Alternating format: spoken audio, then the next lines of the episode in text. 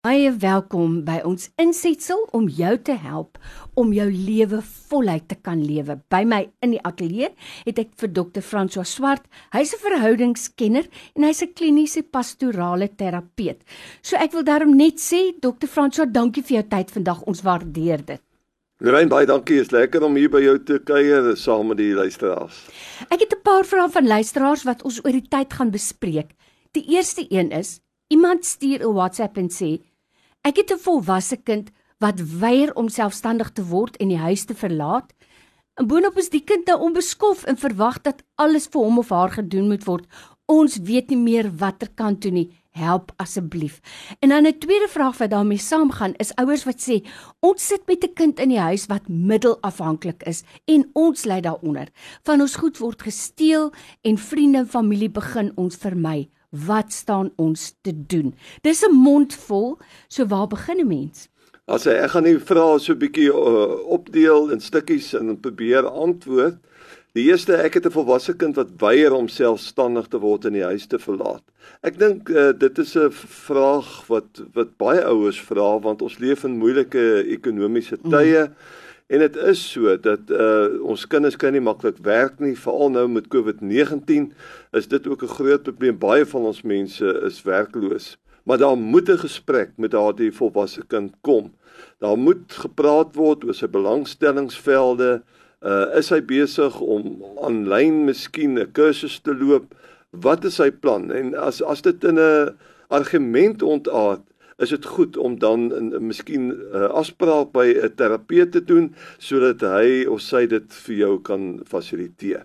Rondom die gedagte dat hy onbeskof raak of sy onbeskof raak met jou, dit moet nie geduld word nie. Mm. Daar is grense in 'n verhouding veral tussen 'n pa en 'n ma en sy kinders. Dan moet daar ernstig gesels word daaroor. Ehm um, dit is belangrik dat hy moet weet al het hy dan nou nie werk nie en hy's in die huis, is hy deel van 'n span. En dan is die vraag of of of die huis goed georganiseer is. Is daar take in die huis wat hy wel kan doen? En uh, veral as jy vir hom sakgeld gee, is dit goed om die sakgeld te koppel in terme van die uh ooreengekome take.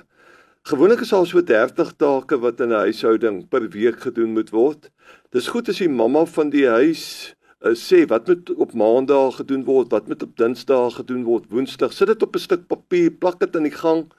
Maar dan met die huismense moet moet kom instem en sê ek ek sal hierdie taak en die taak en die taak doen.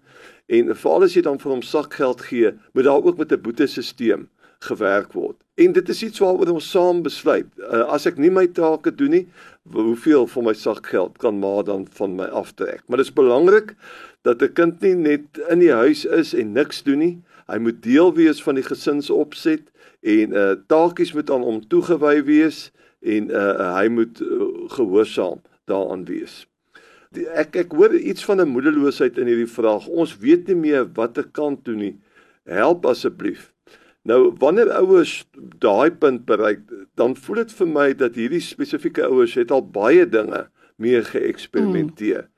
En uh, ek dink eh, jy moet vir jouself nog so 'n stukkie kans gee as dinge nie beter word met die verhouding van u kind nie, dan lyk dit vir my is dit 'n goeie idee om iemand te gaan sien, die kind moet saamgaan, dit moet gefasiliteer word, dan moet 'n uitkoms kom. Ouers is geregtig om aan te gaan na 'n nuwe fase van hulle lewe toe en ouer kinders moet dit ook respekteer en hulle moet ook verantwoordelikheid neem van hulle eie lewe.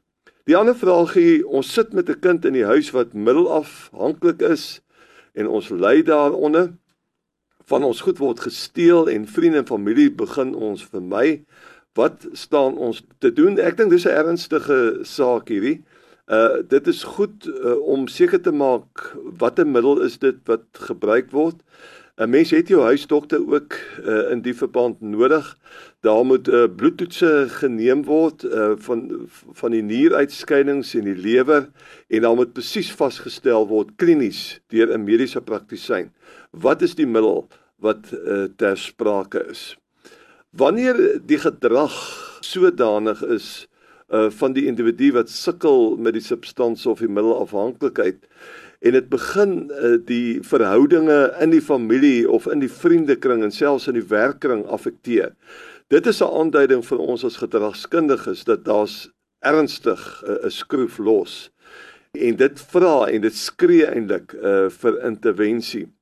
Baie keer eh, moet 'n psigiater bygetrek word in so 'n situasie wat kan help uh, om om te kyk hoe ons uh, kan werk met die middelafhanklikheid. Daar's 'n detoksifiseringsproses wat wat aan die gang gesit moet word waarmee die mediese mense kan besluit.